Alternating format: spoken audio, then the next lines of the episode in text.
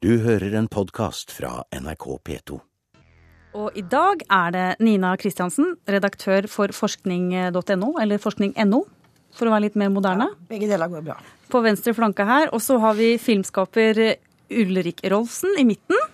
Og så har vi Erling Kagge, forlegger og eventyrer. Og jeg liker å ha så mange sånne tituleringer på deg som mulig, men eh, Advokat og bokaktuell. det, alt, ja. Eh, Velkommen skal dere i hvert fall være, alle tre. Takk. Um, vi, eh, vi kan jo egentlig begynne med første spørsmål i dag, som dere skal svare på. Eh, noen fikk kanskje med seg, ca. 100 000 eh, fikk med seg et program som var på TV 2 i går. Eh, nemlig programmet til skribent og forfatter eh, og journalist Jon Hustad, Harde fakta. Programmet skal være et alternativ til det alle andre programmene i Norge som han da mener er veldig venstrevridde. Dette skal være et motstrømsprogram eh, som, eh, som viser at man kan vinkle eh, journalistikken på et helt annen måte. Og Spørsmålet til panelet er da trenger vi et høyrevridd program i Norge? Vi tar først eh, ja- og nei-runden. Ja, Svaret mitt er ja, men. Spennende. Vi kommer tilbake til det.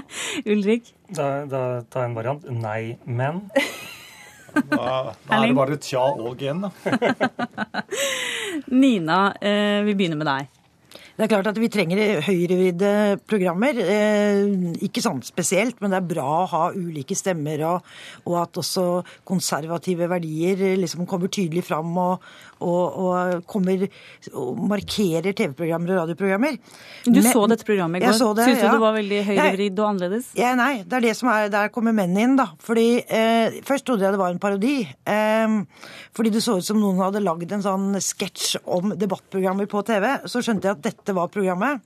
Så jeg syns det var ja, ganske klønete da, og amatørmessig. Og så er liksom noe av det de skulle gjøre, det var jo f.eks. å ta byggeforskriftene. Men det gjør jo eksisterende program veldig mye bedre. Så du trenger ikke et høyrevidd program for å angripe uh, lover og regler rundt uh, boligbygging. Eksempel så har du da ø, TV 2 hjelper deg og Forbrukerinspektørene, som gjør dette her veldig mye bedre. Eh, Ulrik, du var litt sånn eh, nei-men. Nei, jeg syns ikke man trenger et spesifikt høyrevridde-program, for vi har jo ganske mange høyreviddeprogrammer. Og, og TV 2 serverer ganske mange av dem selv. Hvilke tenker du på da? Jeg, jeg vet ikke om de finnes lenger, men tabloid og disse debattprogrammene der har jeg alltid opplevd som ganske høyrevridde. Og når jeg følger de gutta som lager det på Twitter og sånne ting, så skjønner jeg at de er veldig høyrevridde. Så de har jo sine egne programmer der, akkurat som man kan si at noen programmer i NRK kanskje er litt venstrevridde. Så det er jo politiske ting. Men jeg syns det er litt sånn det er litt sånn tåpelig konsept, og litt sånn trist for høyresiden å flagge, flagge noe så høyt, og så er det så dårlig, tydeligvis. Mm. Erling? Jeg tror ikke jeg er trist for høyresiden akkurat, men eh, jeg er født i 1963 og vokste opp med et uh, venstrevridd NRK. Eh, så, så, sånn sett så er det jo bra at man får balanse. Men spørsmålet var jo eh, trenger vi et høyrevridd program i Norge? Og da må man jo henvende seg til markedet. Og det er 100 000 seere, så da trengte vi det kanskje ikke, da. Nei, dette er jo ikke gode seertall for TV 2, som gjerne liker å ligge på 400 og oppover hvis det skal være en suksess. Men jeg må jo spørre, ja, sier du Nina, men, men er vi så sikre på at programmer i Norge generelt og NRK er veldig venstrevridde, da? Nei, det viser jo, altså forskning viser jo det at eh, ja, eh, journalister eh, stemmer oftere eh, langs venstreaksen enn det eh, andre folk gjør. Eh, men de overkompenserer i medieutbudet, sånn at i, praksis så er det ikke høyrevridd av dette NRK som du har vokst opp med. Det er, det litt venstrevridd. Det er ikke så ille allikevel, fordi at journalistene Bare si en ting der at altså, Jeg vokste opp med det. At det var det sånn på 70-tallet. Det er jo helt bånn av bein. Men at i dag har flatet ut, det er jeg helt enig i. Ja, så, så journalister er ganske flinke til å på en måte ikke la sin politiske budskap eh, komme gjennom, da, sier forskninga. Men jeg må bare si en ting om de 180 000, fordi at det er blitt en sånn moderne ting de gjør nå. De sier at ja, det var ikke så mange lesere, men vi skapte en Twitter-storm. Og det er litt sånn blitt det moderne for å liksom si at eh, ja, men leserne likte det egentlig, eller Fordi Twitterstorm kan jo hvem som helst eh, skape, da. Jeg skapte Twitterstorm i går fordi jeg tvitra en nyhet fra forskning.no om at aggressive eh, folk kjøper aggressive hunder. Og det skapte også Twitter-storm, da. Bare sånn at det er sagt. Så det blir litt sånn billig poeng. Ja, så det å gjemme seg bak at eh, de mest hardbarka Twitter-følgerne uttaler seg om programmet, det kan ikke kalles en suksess? Nei, jeg syns ikke det, altså. De brukte det som en sånn suksesskriterium, men det, det syns jeg ikke holder.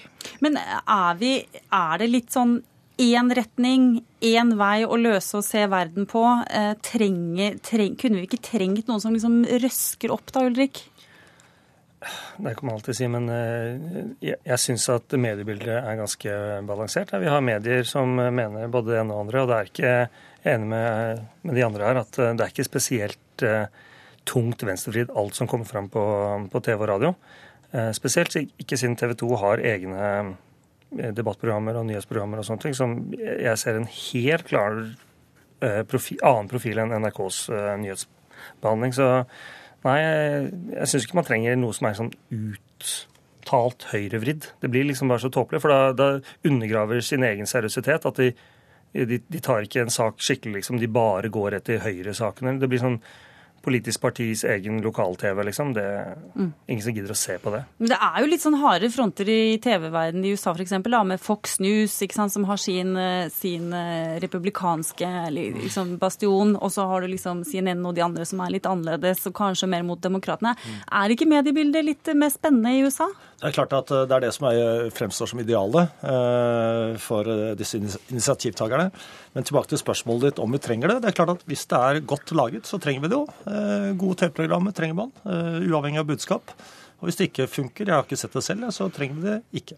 Ja, det kan altså da virke som om at uh, panelet her mener at så lenge programmer er godt laget og har interessant innhold, så, så spiller det ikke så stor rolle hvem avsender nødvendigvis er. Og ja, Eh, så er ikke helt tilfellet med dette programmet. Bedre neste, lykke neste gang, kanskje? Vi får håpe på det. Absolutt. Vi går videre.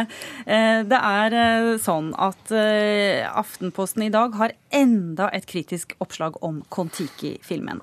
Denne gangen så er det eh, noen som er kritiske til at filmskaperne har framstilt menneskene i Polynesia ekstremt sånn urbefolkningsaktig og primitivt, mens det sannheten var da Heyerdahl var der, er at dette var en befolkning som var ganske vestlig og moderne. Eh, og de mener at dette er en sånn koloniblikket eh, på, på, eh, på hele befolkningen i Polynesia.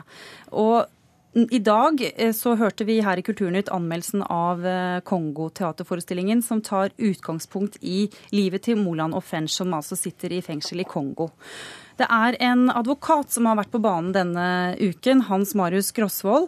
Eh, han mener at det er på tide å skaffe et etisk regelverk for filmskaperne.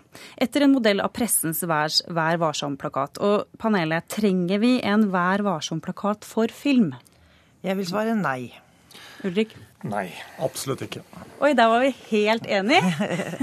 Jeg begynner med filmskaperen. Hvorfor ikke? Nei, fordi at man, eh, man, kan ikke kontrollere kunst. Vi har lover og regler i dette landet som tar seg av eh, altfor grove overtramp. Eh, men bortsett fra det så kan man ikke kontrollere kunst. Det blir da, da, da ligner vi mer på land vi ikke liker å sammenligne oss med, hvis man skal kontrollere det frie uttrykk. Erling? Ja, altså, nå fikk ikke jeg lest den artikkelen, uh, men uh, at de da karikerer uh, mennesker i Stillehavet fra 30-tallet, jeg syns ikke det er så farlig, egentlig. Altså, Karikere mennesker er på mange måter helt OK. nordmenn blir karikert, samer blir karikert. De to mest utsatte gruppene å bli karikert i Norge må være somaliere og vestkantfolk i Oslo. Og vi må finne oss i det, vi også. Så det er helt OK. Det er tøft, men du går ikke til sak mot folk som fniser av vestkantfiffen? Nei, jeg gjør ikke det, altså. Hva med deg? Du er ikke helt uh, uenig i resten av panelet, Nina? Nei, altså jeg så jo bildene, og jeg syns jo det er ganske tåpelig hva de har gjort. da. Det, det, uh, på 30-tallet så, så, hadde folk uh, skjorte og bukse, og så har da dem i moderne tid i en film tatt av dem det og putt på noen fjær og litt sånn Eller speedo, ja, noen bastskjørt. Og da kan man jo lure på hvorfor har de gjort det. Men, men jeg, jeg vil jo ikke Eh, man kan jo diskutere det og synes det er dumt eller synes det er rart, og sånne ting, men det å begynne å lovregulere film, Da er vi ute og kjører, som Ulrik her også sier. Og, og, og den, den diskusjonen kommer jo stadig vekk opp, da. Ikke sant? Vi diskuterte her forrige fredag. Eh, skal eh, Carpe Diem fjerne den sangen om eh, de, å tenne på en Frp-er? Altså disse her ropa om lovregulering når det gjelder kunstneriske uttrykk, den kommer stadig vekk. Men vi er jo en presse som mener at den er fri, selv om vi har etiske regler. Du er jo selv journalist. Ja, altså det, det vi har i pressen prosessen er jo et selvoppnevnt eh, regelverk, eller et selvpålagt regelverk, som sier at du må eh, være forsiktig i forhold til f.eks. For enkelte grupper. da, altså Gale, fulle barn og, og eh, Skal du ikke intervjue, f.eks. Altså, vi, har, vi har noen regelverk der.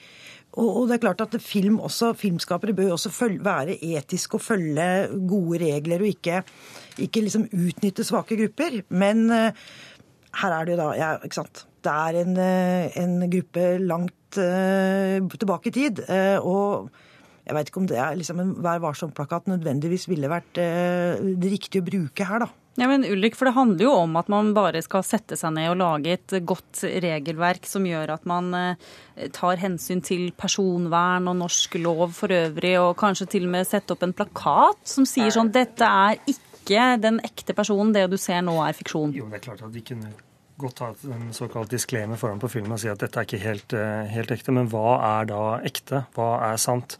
Det finnes ingen objektive sannheter, eh, egentlig.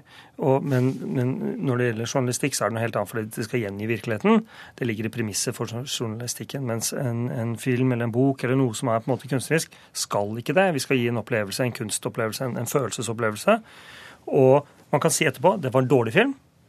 Den uh, portretterte noen folk veldig dårlig. Jeg har selv karikert uendelig mange mennesker i mine filmer, og sist nå i Taxi. Og blitt alle, mange som har sinna på deg. Alle var sinte, alle ble karikert. Sånn er det, liksom. Men det, det var gjort for en, en kunstnerisk uh, greie. Og særlig journalistene var de mest sure, liksom. Fordi de blir karikert. De liker i hvert fall ikke å bli karikert. Men uh, jeg vet ikke, altså. Jeg, jeg syns det er helt håpløst. Man helt håpløst. Erling? Altså, det, det finnes jo masse regler som regulerer dette her allerede. så Det, det er egentlig bare en sånn en løs tanke som ikke kommer til å bli noe av, heldigvis. Ja, hvilke regler er det vi snakker ja, om? Vi har jo et enormt lovverk som eh, regulerer hva man kan si og hevde om forskjellige mennesker. Eh, og Kon-Tiki-filmen er jo et eventyr. Eh, veldig godt fortalt. Det er jo ikke, De mener jo ikke at de hevder å liksom komme med noe sannhet rundt dette. Det er et godt fortalt eventyr, rett og slett. Men et argument var jo det om denne filmen skulle da brukes i skolen som eh, i undervisninga. Og der, der, har du en egen debatt, ikke sant. Eh, og hvis den brukes i skolen som fortellingen, den, det sanne historien om Kon-Tiki, så er jo det et problem. Altså Hvis ikke lærerne klarer å se forskjell på film og, og, og, og en dokumentar, da. Men det får vi håpe at skolen er våken nok til å se. Ja. Jeg tror ikke det er noe problem. Nei, ikke, Nei, ikke jeg. Det går nok bra. Det. det er jo sånn, eh, det vises jo veldig mange filmer i skolen allerede. Det finnes, uh, vises mye dokumentarfilmer også, og noe av det vi lærer barna våre nå, er jo å være kildekritiske. Uh, og det er jo kjempeviktig overalt, å være kildekritisk. Sånn at uh, det å liksom se at å, her er det gjort noen shortcuts for å gjøre det dramatisk, det tror jeg særlig barna er flinke mm. til å, å, lese og forstå. Ja. Vi må videre. Det er sånn at TV 2 feirer 20 år eh, nå. Altså ute ved Den blå stenen i Bergen så har de begynt feiringa. Og den skal fortsette gjennom helgen. Eh, og har da klart seg Eh, uten å gå konk på reklamepenger nå i 20 år. Og får jo skryt for å ha liksom jazza opp NRK på de 20 årene den har eksistert. Fra å være en litt sånn grå kanal til å måtte bli litt mer fargerik i NRK også.